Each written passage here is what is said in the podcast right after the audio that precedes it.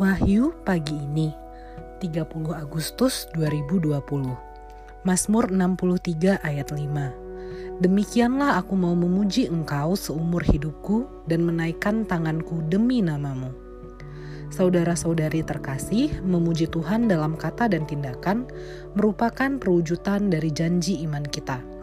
Semoga kita, Anda dan saya tidak menjadi batu sandungan. Selamat hari Minggu.